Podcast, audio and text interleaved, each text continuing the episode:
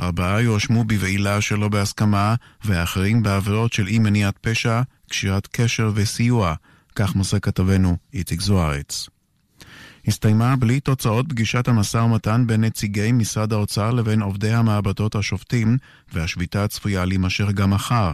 כתבנו נובי ראובני מוסר כי האוצר ומשרד הבריאות עשויים לפנות לבית הדין לעבודה. עורך החדשות רון נסיאל, התחזית מחר תורגש הקלת מה בעומס החום. ביום רביעי בלי שינוי של ממש, וביום חמישי שוב התחממות. מידות החום המרביות מחר בירושלים ובצפת 33 מעלות, בתל אביב ובחיפה 32, בבאר שבע 36 ובאילת עוד 42 מעלות מחר בצהריים. עד כאן החדשות, כאן רשת ב'.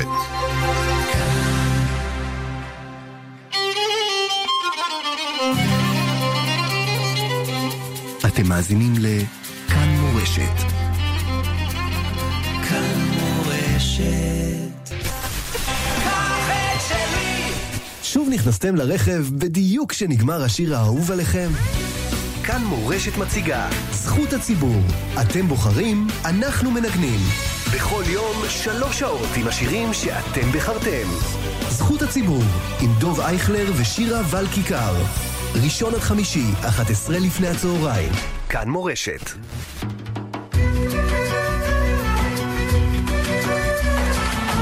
שואל ומשיב עם הרב שלמה אבינר, ראש ישיבת עטרת ירושלים.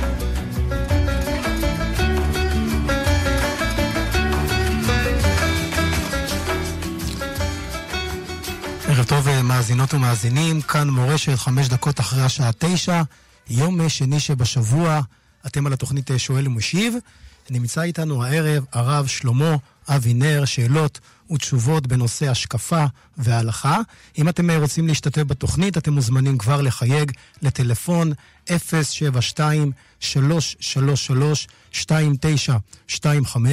072-333-2925, זהו מספר הטלפון לעלייה לשידור. אם אתם רוצים לשלוח לנו הודעות, אתם יכולים לכתוב לנו ל-055-966-39 91. התדרים שלנו 92.5, 90.5, 90.8 ו-100.7 FM כאן מורשת. אם אתם באזור הצפון, יש לנו עוד תדר, תדר AM, 1458. אלעד זוהר על הפיקוח הטכני, לי קוראים גיא מחבוש. אני רוצה לומר ערב טוב לכבוד הרב שלמה אבינר, ראש ישיבת עטרת ירושלים. ערב טוב הרב. הלו? שלום הרב. כן, שלום המאזינים, שלום המאזינות, שלום הצוות המסור. טוב, כבר נפנה לשאלה. יש לנו שאלה ממאזין, לכבוד הרב הגאון, שלמה אבינר, חמותי, אישה קשישה, ערירית, שבסופי שבוע מתארחת בביתנו. נציין שהיא מביאה קניות ולא מפריעה. האם חלה חובה לארח אותה בכל שבת? אשתי רואה חובה מוסרית. נציין שהיא אלמנה, ניצולת שואה, שנמצאת במרחק נסיעה כעשר דקות, היא מתקשה בהליכה. שאלה כבדה. כלומר, אם היא מסתדר, אם היא לא מצליחה להסתדר בחיים, אז חייבים לטפל בה. מה שנקרא, מאכיל ומשקיע מלביש ומכסה מכניס ומוציא. אם היא מסתדרת לבד בחיים, לא חייבים להזמין אותה, אם זה מהווה הכבדה. אבל יש אומרים שמאכיל ומשקיע מלביש ומכסה, זה לא רק צרכים גשמיים, זה גם צרכים אה, רגשיים, והבדידות אה, מכבדת עליה. ולפי זה חייבים להזמין אותה. אם היא סובלת מבדידות. חייבים, על אף הקושי שיש בזה. אם זה, אם זה היה לא מוגדר ככה, זה היה מוגדר חסד. וכידוע, חסד, ההגדרה, זה לפי הצורך של, ה...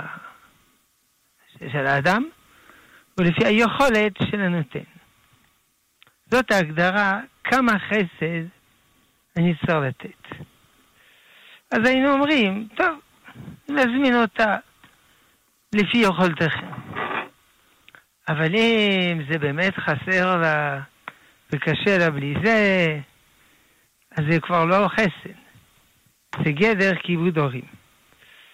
ולכן, צריך להזמין אותה על אף ההכבדה שיש בזה. איך אומרים? אמא מטפלת ב... לא יודע, עשרה ילדים, ועשרה ילדים לא יכולים לטפל באמא אחת. לכן על אף ההכבדה צריך. גם מדין כיבוד אביהם, וגם מי שלא מבין מה זה כיבוד אביהם, אבל הוא יכול להבין מה זה הכרת טובה. הכרת טובה זה להחזיר. גם אנחנו כשהיינו קטנים, האמא טיפלה בנו ושיגענו לה את השכל. ובכל זאת היא מסרה את נפשה ושמרה עלינו, לא הלכה לבלות. בקיצור, גם אה, צמצמנו לה את החיים. ולכן, צריך הכרת טובה. בסדר. עוד אה, שאלה לרב, כותבים לנו, אה, אני מאוד רוצה לגדל חתולה בבית, אבל בעלי לא מסכים מסיבה שהוא אומר שזה אסור, לפי התורה. מה האיסור בלגדל בעל חיים? היא שואלת חתולה בבית. לא, אין איסור לגדל בעל חיים. זה לא כתוב באף מקום, לא בבית ולא לא בבית.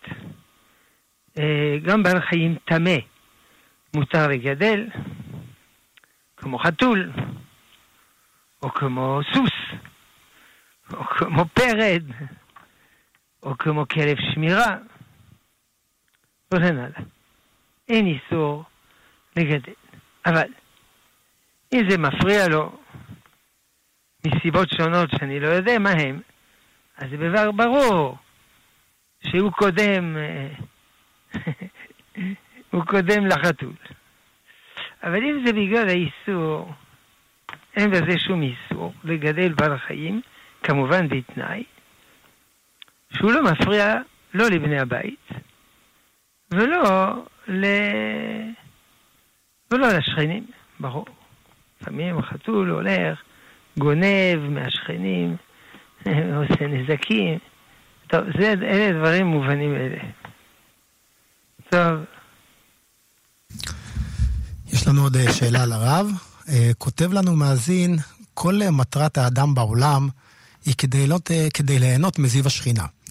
אז למה נוצר האדם עם מידות רעות ועליו לתקנם? למה מראש הוא לא נוצר מתוקן? כדי ליהנות מזיו השכינה, הוא צריך מידות טובות. זה אותו דבר, זה מילים נרדפות. אבל אם אדם אין לו בחירה חופשית, והוא נולד עם מידות טובות, אז זה כבר לא נקרא מידות טובות. הערך זה בגלל שהוא בוחר. אם הוא רוצה, הוא טוב. אם הוא רוצה, הוא רע. אבל אם הוא נברא טוב, אז איזה זכות יש לו בזה. אז זה לא נקרא מידה טובה. מידה טובה זה אם אני מסוגל שיהיה לי מידה רעה. אז יש לי בחירה חופשית, אז יש לי מידה טובה.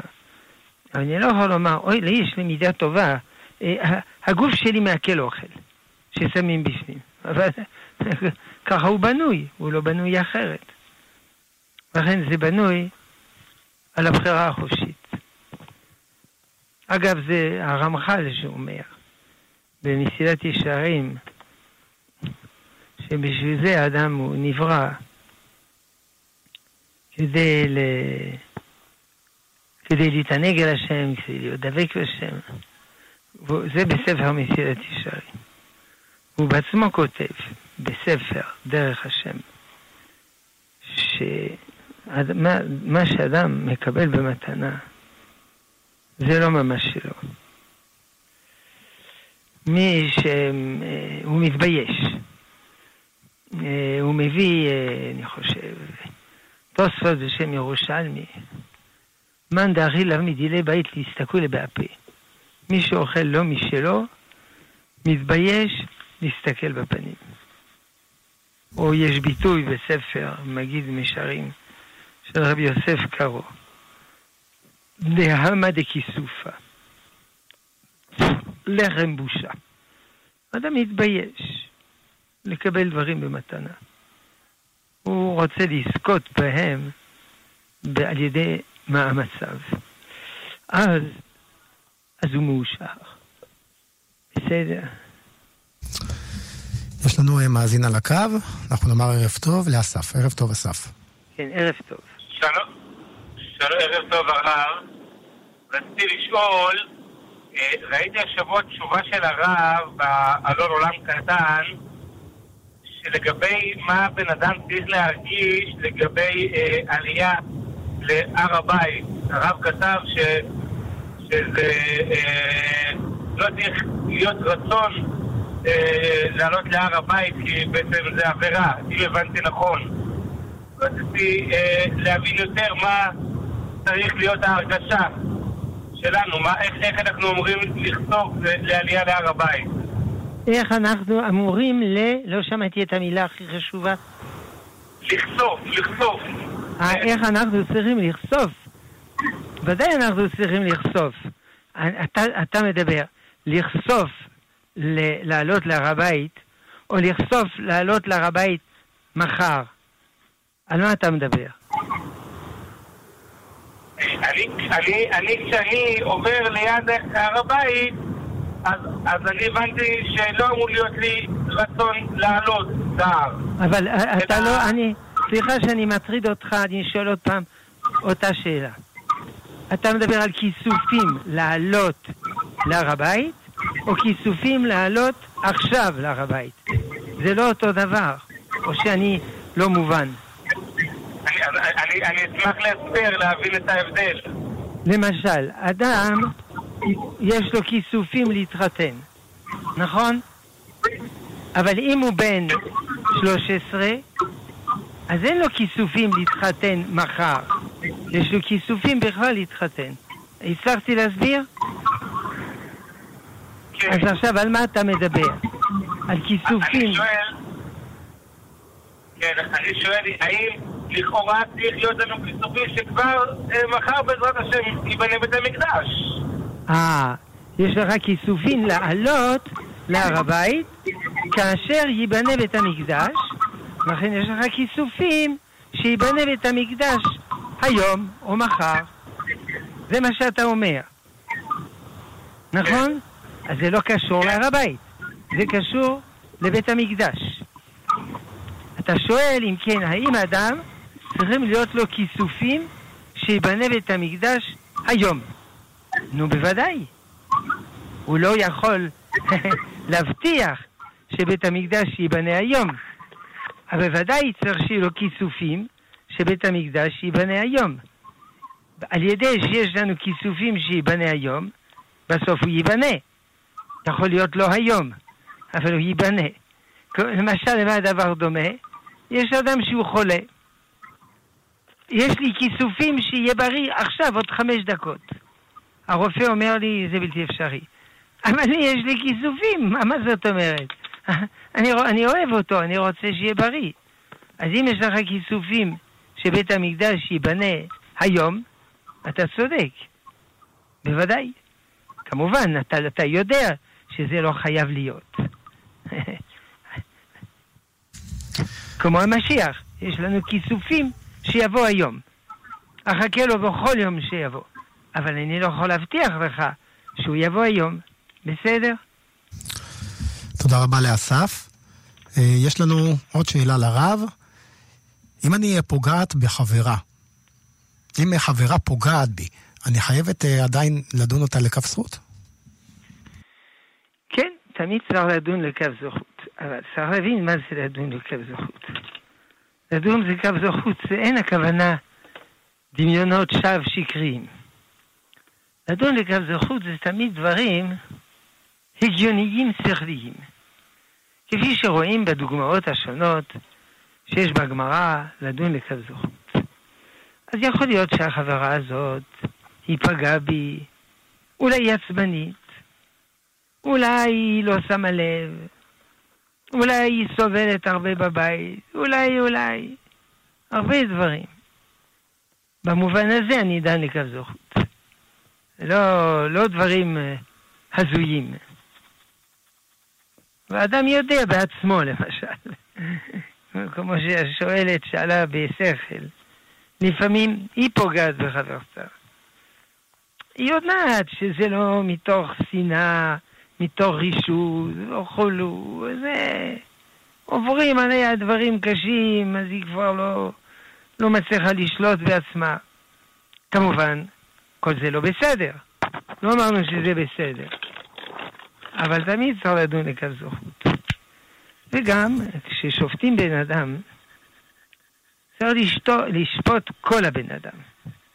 זאת אומרת, אם אדם, אם החברה פגע, היא פוגעת פעם בשבועיים. אבל שאר הזמן היא טובה, אז צריך לראות את, את כל התמונה, לא דבר אחד. כלומר, אנחנו לא מלאכים, אנחנו גם עושים טעויות. אבל לא בגלל שעשיתי טעות אחת, כבר צריך לומר עליי שאני מלאך המוות. אז צריך גם לשפוט את ה... זה אחד מאדמו"רי הגור, לא זוכר מי עולה דברי אמת, אמר, הביא דן את כל האדם לכף זכות. כשאתה דן את כל האדם כולו, לא רק איזה מעשה אחד מבודד. אה, אז זה יוצא לכף זכות. טוב. שלום לרב. שלום. נשב... זאת השאלה. שלום לרב, נשבעתי שלא אעשה דבר מסוים, לא באמת התכוונתי בשבועה. פשוט רציתי להשתיק את הנפש. מה התיקון לדבר הזה? תראה, מי שנשבע והוא לא התכוון לזה, השבועה לא חלה. למשל, הגויים רוצים להרוג אותי, אז אני אומר להם, מי זה הבן אדם הזה? נהרוג אותו. זה אבא שלך? לא, לא, לא, לא. תשבע, אני נשבע. אז זה ברור שאני נשבע לשקר. אבל זה, אין בי עוון, כי הייתי אנוס להישבע. אבל אם אדם נשבע כדי להשקיט את עצמו, אז למה, למה יש פה טעות? זה, זה יש לו רצון אמיתי להשקיט את עצמו על ידי שבועה. זו תשובה, שבועה אמיתית. הוא חטא, אז הוא אומר, עכשיו אני נשבע שאני אתנהג יפה בזה, בזה, בזה. אז הוא התכוון באמת. זה לא שהוא לא התכוון. לא, לפי, לפי דעתי, אה, מתוך פחד אה, הוא נשבע. זה לא משנה. הוא מפחד שילך לגיהינום. אז הוא אומר, אני נשבע, מעכשיו אני אתנהג יפה. נכון, אז השבועה חלה. עכשיו, אם, אם קיום השבועה הזאת הוא קשה, אז הוא יכול לעשות התרה. כמו שאפשר לעשות התרת נדרים. אפשר להתיר שבועה. אבל צריך לדעת, זה יותר קשה, אבל זה עדיין אפשרי. אבל צריך לדעת שיש שבועות שאי אפשר להתיר. למשל, אני נשבע שאני יותר לא, אה, לא יודע מה, אני יותר לא אה, אוכל אה, בלי ברכה. אבל אני נשבע לקיים מה שכתוב בתורה. אני חייב גם בלי השבועה. השבועה לא, לא יוצרת אצלי אה, איסור חדש או מצווה חדשה. קוראים לזה נדרי מצווה וכולו וכולו. אז אם אדם נשבע שהוא עכשיו לא יאכל בלי ברכה, יכול להיות שהרבנים יכולים להתיר לו את השבועה, אבל הוא עדיין אסור לו לאכול בלי ברכה. וגם אה, אפילו אם נגיד שהשבועה לא חלה, אז מה? אבל האיסור עדיין קיים, בלי השבועה. אז מה הוא מרוויח בזה שהוא אומר שהשבועה לא חלה? בסדר? אני מובן. כן, בהחלט. אה, שואל מאזין, מה המשמעות אה, של שילוח הקן, ומה הוא אמור לעשות עם הגוזל, האפרוח, למעשה, אחרי שהוא שילח את האימא מהקן? שילוח הקן, הרמב"ם אומר במורה נבוכים, שזה רחמנות עליהם. אתה לוקח לה את, ה... את האפרוחים, אז היא מסכנה. אחר כך אתה גם הורג אותה, ואתה הגזמת. אמנם, בגמרא כתוב, שאומר על כאן ציפור יגיעו רחמך, משתקים אותו. זאת אומרת, הוא אומר, מה ש...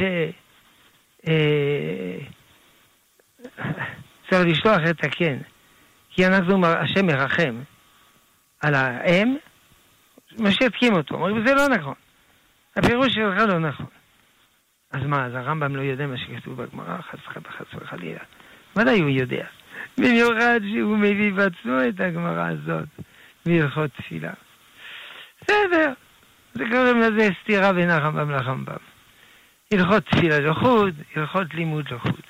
כן, זה רחמים על האם. שלא יותר מדי להציק לה. עכשיו, יש מחלוקת הפוסקים. האם שילוח הקן זה רק אם אני רוצה את האפרוחים או לא. יש אומרים שאם אתה לא רוצה את האפרוחים, אז תעשה שילוח הקן. בשביל מה אתה עושה? אתה רוצה את האפרוחים או אתה רוצה את הביצים, אתה רעב? אז אומרים לך, תתנהג ככה. אבל אם אדם לא רוצה את האפרוחים ואת הביצים, אז למה שיעשה שילוח הקן? שאלה טובה. יש שיטה אחת בפוסקים. אבל יש שיטה אחרת, אומרת לא.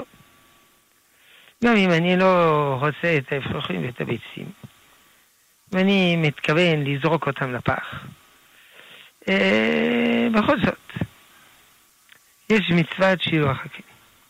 אפשר לומר שכיוון שהנושא הזה שנוי במחלוקת, ואם אני לא צריך את הביצים ואת האפרוחים, אני סתם גורם לצער בעלי חיים. סתם. אז עדיף להימנע. עכשיו נוסיף עוד שתי נקודות שהרבה לא יודעים. שילוח הקן זה רק אם הציפור נמצא בהפקר, ביער, ברחוב, אבל אם, הוא נמצא ביד, ב, ב, אם הוא נמצא בבית, נגיד במרפסת, אין מצוות שילוח הקן. או כל מקום פרטי, בעבודה, לא משנה איפה. אם הוא נמצא במקום פרטי, אין מצוות שילוח הקן. אז לא להתבלבל בדבר הזה. דבר שני, אה, שילוח הקן זה האם. וצריך לדעת שאצל ציפורים רבים, גם האב רובץ על הביצים. הם עושים תורנות. לפעמים האב, לפעמים האם. איך אתה יודע שזה האב, שזה האם ולא האב? בשביל זה אתה צריך להיות, איך אומרים, אורניתולוג.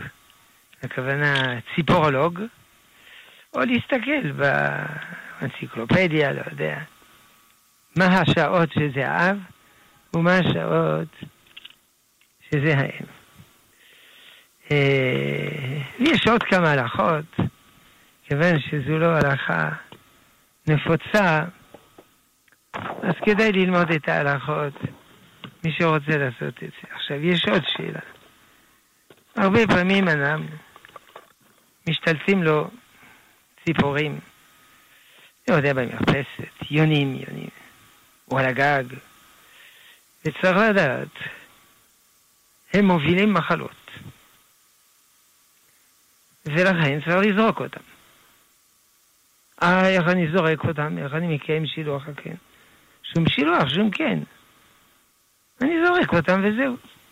אבל זה אכזרי. זו שאלה אחרת, אם זה אכזרי, אם זה לא אכזרי. אסור להתאכזר בבעלי חיים. אבל מה שהוא לצורך האדם, הוא רשאי. לכן מותר להרוג נחשים, ומותר להרוג עכברים, ומותר לאלף כלבים, ומותר לרכב על סוסים, ומותר לחרוש עם, אה, עם שור ופרה, ולא שואלים אותם אם הם נהנים מזה או לא. בסדר? כן. טוב, אמרנו הרבה דברים. יש לנו uh, מאזין על הקו. ערב כן, טוב. שלום המאזין. שלום כבוד הרב. Uh, הרב, אני הרב בחור ישיבה, הרב. והאמת שלאחרונה אני קיבלתי צו גיוס ואני מאוד מתלבט אם אה, להתגייס או להישאר בישיבה, ללמוד. מה דעתו של הרב בעניין? תראה, כולם חייבים ללכת לצבא, אבל מצווה גדולה ללמוד תורה. קודם ללמוד תורה, אחר כך תתגייס לצבא. הצבא יחכה, מה נעשה? כמה זמן ללמוד? לצערנו, גם אם תתגייס עוד שנה, שנתיים, שלוש, ארבע, חמש, לצערנו, עדיין יהיו לנו אויבים, עדיין. אני לא חושב, לצערי, שיעשו שלום, ואז תהיה מתוסכל שלא היית בצבא. ולכן צריך לדחות. כמה זמן לדחות? אה, כמה ש... כל זמן שאתה לומד בהצלחה. אבל אני רוצה לומר דבר חשוב. השאלה הזאת היא שאלה כבדה, והיא שאלה מאוד אישית. אצלנו בישיבה, אנחנו מייעצים, עוזרים באמת לתלמידים להחליט בנושאים האלה. לא כופים, אבל נותנים להם עצה. בשביל זה יושבים כל הרמים, שזה בערך עשרה רמים, ועוברים כל התלמידים אחד-אחד. זה לוקח הרבה זמן. כי יש 200 תלמידים, לוקח המון המון זמן. ואגב, אף אחד לא מכיר את כל התלמידים. גם אני לא מכיר אישית עמוק כל התלמידים. אבל כל אחד יש תמיד כמה רמים. ודנים איזה עצה לתת לו. עכשיו תלך לצבא, אולי עכשיו תלך ללמוד מקצוע, וכן הלאה וכן הלאה. אני לא יודע למה בישיבה שלכם זה לא נהוג, הדבר הזה. אבל אה, אולי אין להם זמן, אין לי מושג. אבל אה, אל תתבייש. תפנה ישירות לרם שלך ותשאל אותו מה הוא חושב. הוא מכיר אותך. אמרתי יותר טוב ממני. לא יותר טוב, אני בכלל לא מכיר אותך. אבל אם השאלה היא שאלה כללית עקרונית, תיאורטית, אז אמרתי, תלמוד תורה כנגד כולם. ואחר כך, אחרי שהוא תלמד תורה, בעזרת השם, תלך לצבא, וגם תביא יותר תועלת לצבא. כי גם תהיה יותר מבוגר, ותהיה מלא תורה, תהיה לך איכות יותר גדולה של חייל. אז כדאי לדחות. תודה רבה, תודה רבה למאזין. יש לנו עוד אה, שאלה לרב. ערב טוב לרב, חברה עשתה פדיון הבן, אף על פי שעברה הפלה לפני שחזרה בתשובה. היא התביישה לספר מה התיקון שלה, מה התיקון של הילד שהוא עוד מעט חוגג בר מצווה. טוב, א', זה תלוי באיזה שלב הייתה ההפלה. אם ההפלה הייתה בשלבים הראשונים, מה שנקרא לפני ריקום איברים, אה, שזה בערך 40 יום, אבל יכול להיות יותר, תלוי במקרה.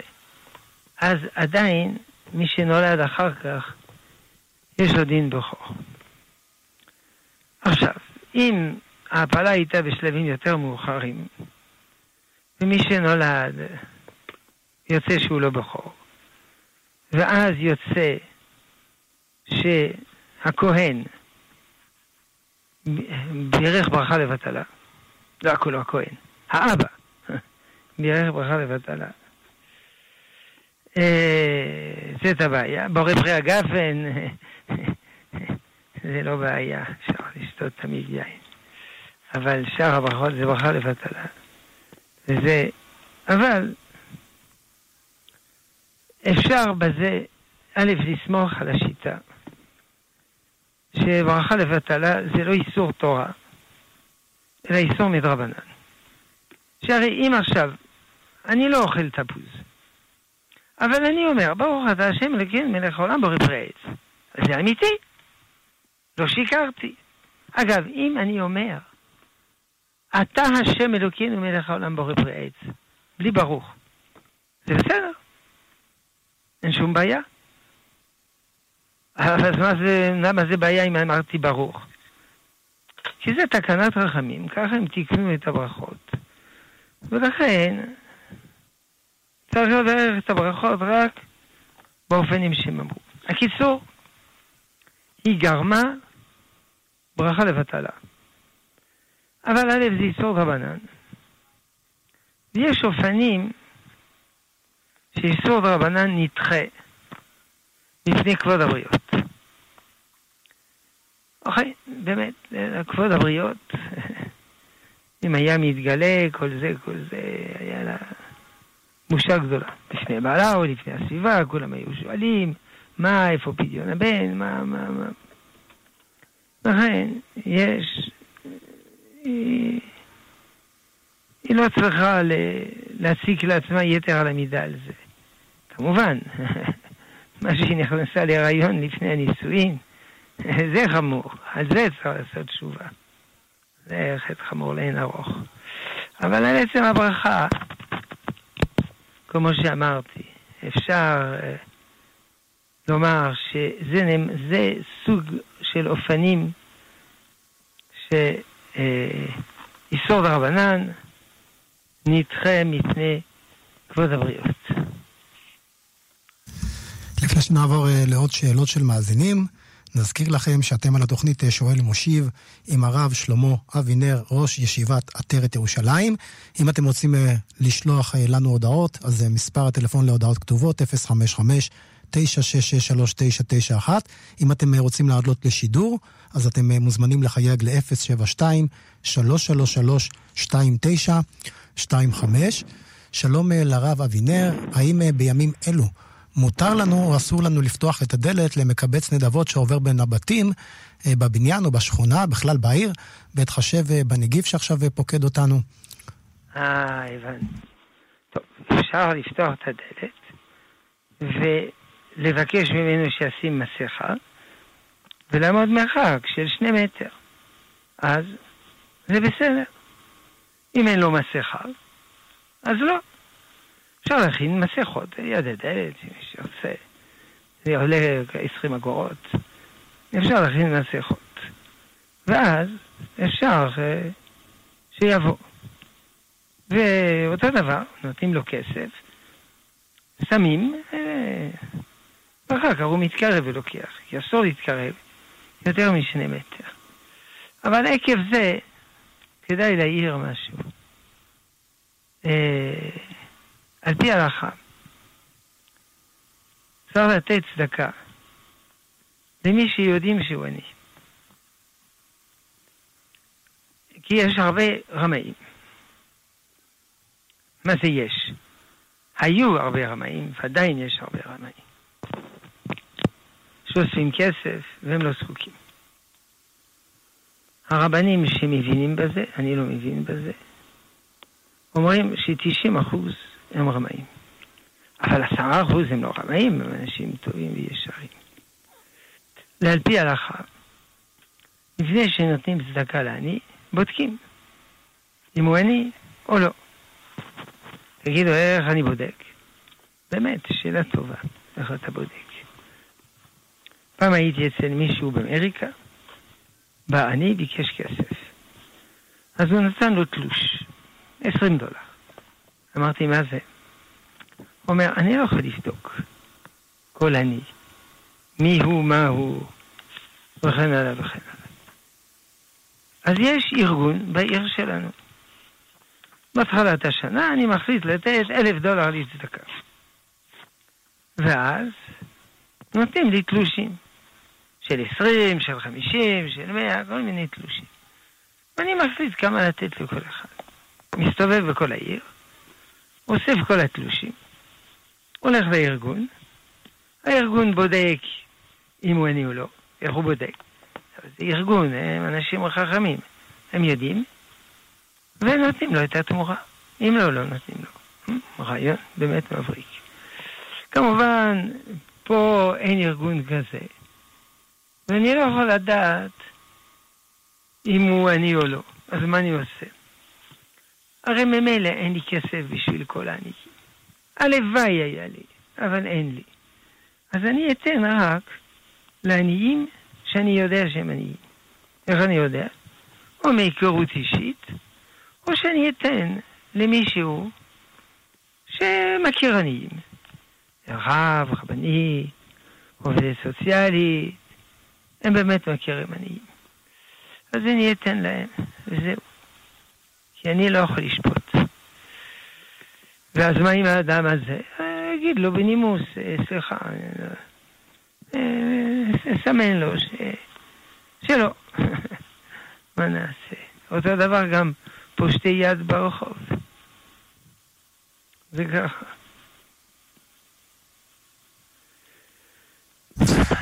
זה אדם שאוסף כסף בתחנה מרכזית, הוא בממוצע אוסף אלף שקל ליום. לא רע. בכותל זה יכול להגיע לשלושת אלפים, ארבעת אלפים. ביום. ליום. ליום. פעם רציתי לעשות רושם על מפקד המשטרה שם. אמרתי לו שהעניים שבאים לכותל עושים שלושת אלפים שקל ליום. צחק עליי. אמר שבעת אלפים. אמר לי, איך אתה יודע? כי אני עוצר אותם, מביא אותם לבית המשפט, והם מודים. אז כדי לתקן את הרושם הלא טוב, אמרתי, הם באים במונית. צחק עליי. הם באים ברכב פרטי שעולה 300 אלף שקל. הוא אמר לי, מסיבות ביטחוניות, אני מכיר את כולם. זהו, אז צריך מאוד מאוד להיזהר. הכל מלא רמאים מכל הסוגים, וכולו וכולו. פעם סיפר לי אחי שמישהו דפק בדלת, כן, מה אתה רוצה כסף? הכנסת כלה, טוב, טוב, להתחתן זה לא לוקסוס. הוא אמר לו, אבל ראיתי, במקרה, הסתכלתי על החלון, וראיתי שאתה מגיע, ואתה נוסע ברכב, אז יש לך רכב. הוא אמר, בוודאי יש לי רכב. יש לי כסף לדחות רכב. אין לי כסף לעשות חתונה. אה, זה יכול להיות. אבל מי שאין לו כסף לעשות חתונה, הוא לא צריך לעשות חתונה יוקרתית. אני זוכר. יש לי חבר, לא היה לו כסף. עשה חתונה בבניין של הרבנות. יש חדרים, השאילו לו חדר, עשה חתונה שם. הזמין עשרה חברים, וזה חתונה. אין לו כסף.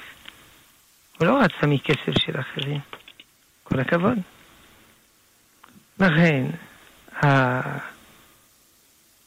אז לפני זמן מה קיבלתי מכתב, אתה רוצה לחתום, אנחנו עושים כסף, חתונה וזה, זה עולה 80 אלף שקל.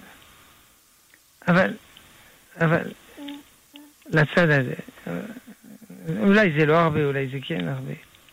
אבל מי שאין לו, שיעשה חתונה בזול. מה אני אגיד? טוב, על כל פנים, התרחקנו מנושא. הנושא היה מי שפושט יד, על פי ההוראות, שיעמוד במרחק של שני מטר וזהו. יש לנו אה, מאזין על הקו, ערב טוב כן. למאזין. שלום המאזין. שלום כבוד. שלום כבוד הרב. כן, שלום. אה, באמירת אה, י"ג מידות של רחמים, האם בהתחלה אה, יש להפסיק בין אה, השם להשם? בוודאי. ככה כתוב בכל הסידורים. השם, יש כזה קו. יש כזה קו של הפסקה.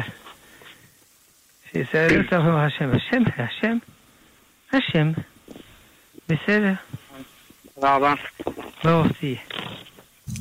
תודה רבה למאזין. אה, שלום לכבוד הרב. האם. האם חתימה לערבות, אה, להלוואה, לקרוב משפחה לצורך פתיחת עסק, זה נחשב לי כמצווה? כן, בוודאי זה מצווה.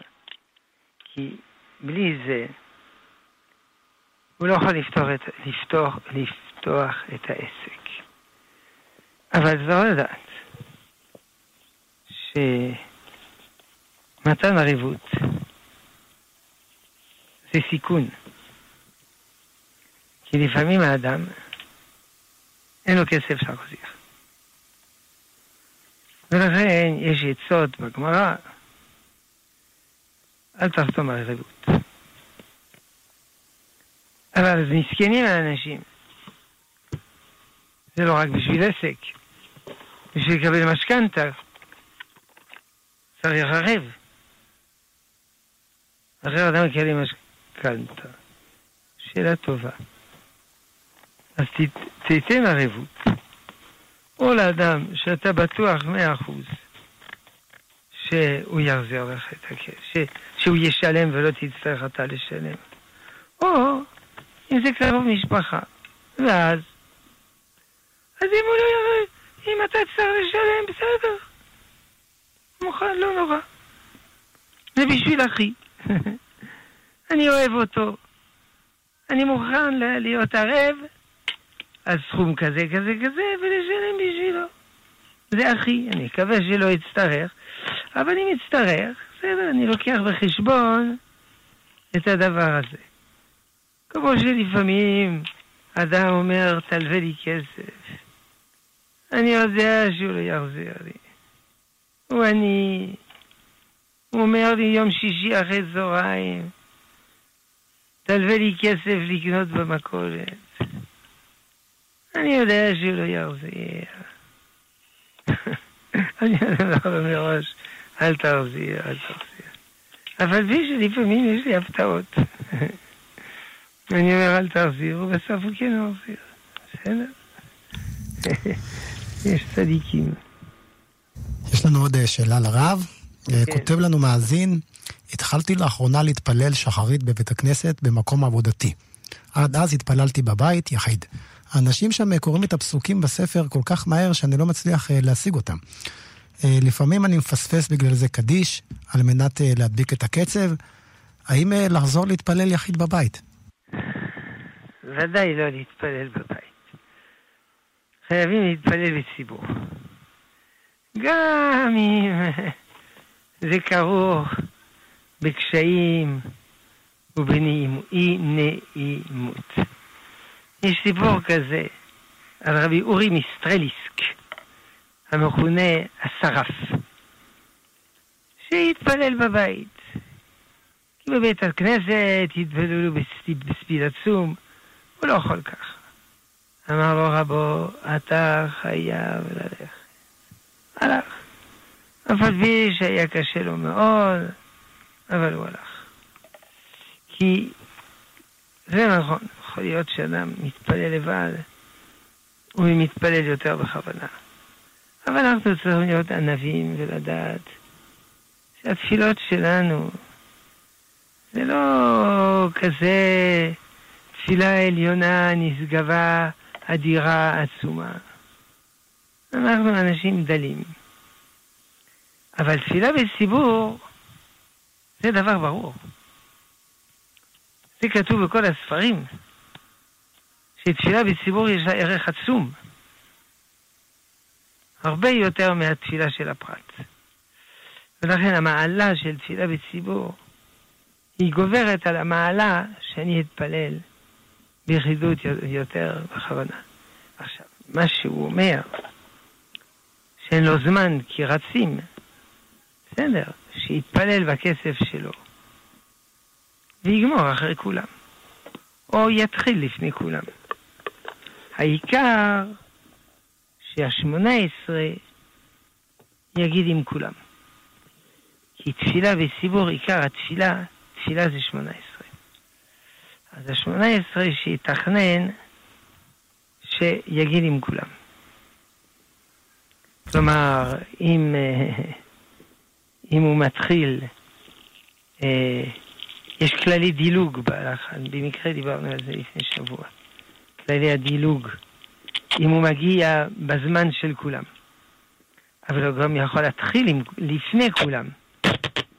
אז אם הוא מתחיל לפני כולם, אז הוא מתפלל בכסף שלו, אז הוא מגיע לשמונה עשרה עם כולם. עוד יותר טוב. כותב לנו אה, מאזין, שלום אה, לכבוד הרב, בתפילת אה, שחרית בפרשת העקדה, האם כשאישה מתפללת לבד, היא צריכה לדלג על י"ג מידות, או לומר בלחש? לא הבנתי, מדבר על פרשת העקדה או על י"ג מידות? טוב. על כל פנים, כן. י"ג מידות אומרים רק עם הציבור. אדם לבד לא יכול לומר י"ג מידות. איש או אישה. אה, אם הוא לבד, מה נעשה? הוא חייל. אז שיגיד י"ג מידות בטעמי המקרא.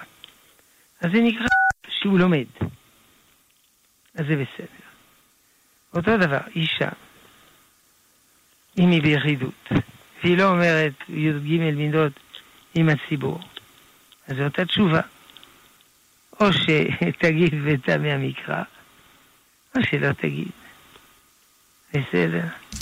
באותו הקשר אה, כותב לנו מאזין, כשהוא שומע אה, סליחות דרך אה, אתר האינטרנט, האם גם כן הוא מדלג על הי"ג מידות?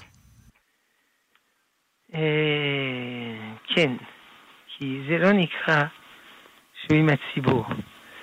לענות אמן, קדיש, קדושה, הוא יכול. כי בשביל זה די לי לדעת שבאותו רגע הוא אמר. ואני יודע שבאותו רגע הוא אמר, אלא אם כן, לפעמים זה ככה, זה, זה מגיע לאט. ב... מרגע השידור עד הרגע שזה מגיע אליך, עובר יותר ממה שנקרא בהלכה אה, תוך כדי דיבור. שתיים, שלוש שניות. יכול להיות. אבל אם לא, אני יכול לענות. אבל זה לא נקרא, אם אני עונה אמן, קדושה, ברוך הוא, זה לא נקרא תפילה בציבור. ציבור זה עשרה אנשים במקום אחד יחד. טוב. כותב לנו מאזין, האם מותר לישון על צד ימין? האם מותר לישון על צד ימין? כן. מותר לישון על צד ימין, מותר לישון על צד שמאל. לישון על הגב או על הבטן, על זה יש בעיה.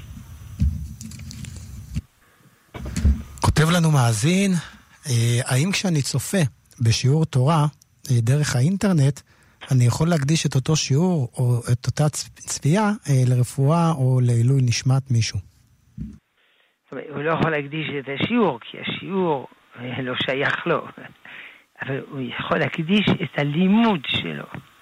כלומר, אני לומד לעילוי נשמת פלוני או לרפואת פלוני. הוא יכול לעשות את זה. גם אם זה דרך האינטרנט. דרך האינטרנט, או, או בבית. מה זה משנה אינטרנט או בבית? או לבד. אבל כמובן, זה בתנאי שזה שיעור נוסף.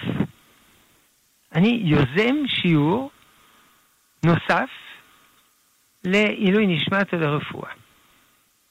אבל אם זה שיעור שממילא מתקיים, אז האמירה זה לעילוי, זה, היא אמירה בעלמא. כי השיעור לא ניתן בגלל זה. כותב לנו uh, מאזין, uh, שלום לרב, שלמה אבינר. רציתי uh, לשאול, אני משתדל כל הזמן, בזמן הפנוי שלי, ובכלל לעסוק בתורה, משתדל מאוד בקיום המצוות, ובאות לי מחשבות והרגשה פנימית שאני צדיק, וכך גם uh, הסביבה שלי מתייחסת אליי כצדיק. ואני יודע שזאת מחשבה של גאווה, ואסור לאדם לחשוב על עצמו דבר כזה. כל מחשבה של גאווה שבאה אליי, אני משתדל מאוד מאוד לבטל אותה, אבל זה מאוד מאוד קשה לי, כי המחשבות תמיד עוברות לי בראש. אם הוא משתדל... השאלה שלו איך הוא יכול לשמור על ענווה אמיתית ושפלות רוח. אם הוא משתדל, אז הוא בסדר גמור. גם אם הוא לא מצליח לגמרי. עכשיו, איך עושים את זה? זה לא קשה. כתוב בספרים. שיחשוב חמש דקות על החסרונות שלו, על העבירות שלו, על השטויות שלו. ואז הוא יתמלא מיד עניו האינסופית. סליחה. כתוב ככה באיגרת הרמב"ן.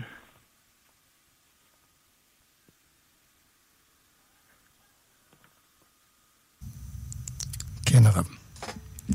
נמשיך עם אה, עוד אה, שאלה של אה, מאזין. הוא כותב לנו בישעיה פרק מ"ב, פסוק י"ח, כתוב, החרשים שמעו והעברים הביטו לראות. הוא שואל איך החרשים יכולים לשמוע והעברים יכולים לראות. זו שאלה טובה מאוד, אבל צריך לראות את הפסוקים לפני כן. זה לא סתם פסוק שצנח. הוא אומר שהקדוש ברוך הוא עושה גאולה לעמו. ואם השם עושה גאולה, אנחנו צריכים לשמוח, אנחנו צריכים לראות מה שקורה, ו... אבל לצערנו, אנחנו אדישים. אנחנו לא שמים לב. אנחנו לא מודים לקדוש ברוך הוא יומם ולילה. שיש לנו, לא יודע, מדינה, שיש לנו חופש, שיש לנו... אנחנו לא מודים. כלומר, אנחנו לא רואים, אנחנו עיוורים. אנחנו לא רואים מה שהשם עושה. ואנחנו לא שומעים מה שהשם עושה. אנחנו כפויי טובה. אומר הנביא, זה חמור מאוד. אתם צריכים לעשות תשובה. אתם חרשים לכל הניסים של הקדוש ברוך הוא. אז תתחילו להקשיב. אתם עיוורים ואתם לא רואים, אז תעשו תשובה. הוא אומר, ומי עיוור? עבד השם. כלומר, האדם הזה הוא עבד השם. הוא צדיק גדול, אבל יש לו חיסרון. הוא עיוור. הוא לא רואה מה שהשם עושה. הוא מחירש, כי מלאך ישלח. מי עיוור? כי משולם. משולם הכוונה אדם שלם. הוא שלם. חוץ מהחיסרון הזה. החיסרון הזה שהוא עיוור. אז צריך הוציא, כתוב, הוציא עם עיוור, ועיניים יש. למה אתה לא רואה מה שהשם עושה? כלומר, השאלה שלו היא שאלה טובה, אבל uh, uh, התשובה עוד יותר טובה, היא נמצאת באותם הפסוקים. עכשיו, לגופו של עניין, אני לא מבין מה הבעיה. אם יש אדם שהוא עיוור, והקדוש ברוך הוא רוצה לעשות לו נס שלא יהיה עיוור, אז מה הבעיה? היד השם תקצר? או אדם הוא חירש, והשם עושה לו נס שלא יהיה חירש. אז מה, מה? מה הבעיה? אם יהיה עיוור והשם יחליט, עיוור, ראה, אז הוא יראה. לא, לא כל כך מבין את הקושייה. גם אם הפסוק הזה היה בבודדת, בלי כל ההקשר. על פי ההקשר הכל מובן. אבל נגיד שהיה בבודדת, אז מה? הקדוש ברוך הוא לא יכול לעשות ניסים? לא יודע, לא. אינני מבין את השאלה. לא נורא. תוסיף ברשימה של הדברים. אני לא מבין. אה, מאזינה שואלת את הרב, אה, איך אני יכולה לבטל את האגו ואת הגאווה בלי לפגוע בערך העצמי שלי? בלי לפגוע ב... בערך העצמי שלי. אה, זאת אותה שאלה ששאל המאזין לפני הקודם. כנראה זו שאלה חשובה מאוד. אני מקווה שהם לא גרים יחד. נכון, זה אדם, כל דבר צריך ללכת בדרך האמצע. לא קיצוני לכאן ולא קיצוני לכאן. אבל יש פה נקודה חשובה מאוד. בהתחלה, עם השתלטות הנצרות בעולם המערבי, הקדוש ברוך הוא היה מרכז העולם, ואדם היה נחשב לאפס. אחר כך התחילה תקופת הרנסאנס, המודרניזם, ואדם עבר להיות מרכז העולם. והיה לו איזה דבר צדדי. כלומר, יש לנו פה התלבטות. האם ענווה, ביטול היש, או גדלות. אבל אנחנו אומרים שאין שום סתירה. האדם הענב הוא שווה הרבה מאוד. בגלל שהוא ענב. ואדם בעל גאווה, הוא לא שווה כלום. אברהם אבינו היה אדם ענב, כמו שכתוב, אנוכי עפר ואפר, והוא לא היה שווה כלום. ומשה רבנו היה ענב, ואמר, אנחנו מה? מה אני שווה? הוא לא היה שווה.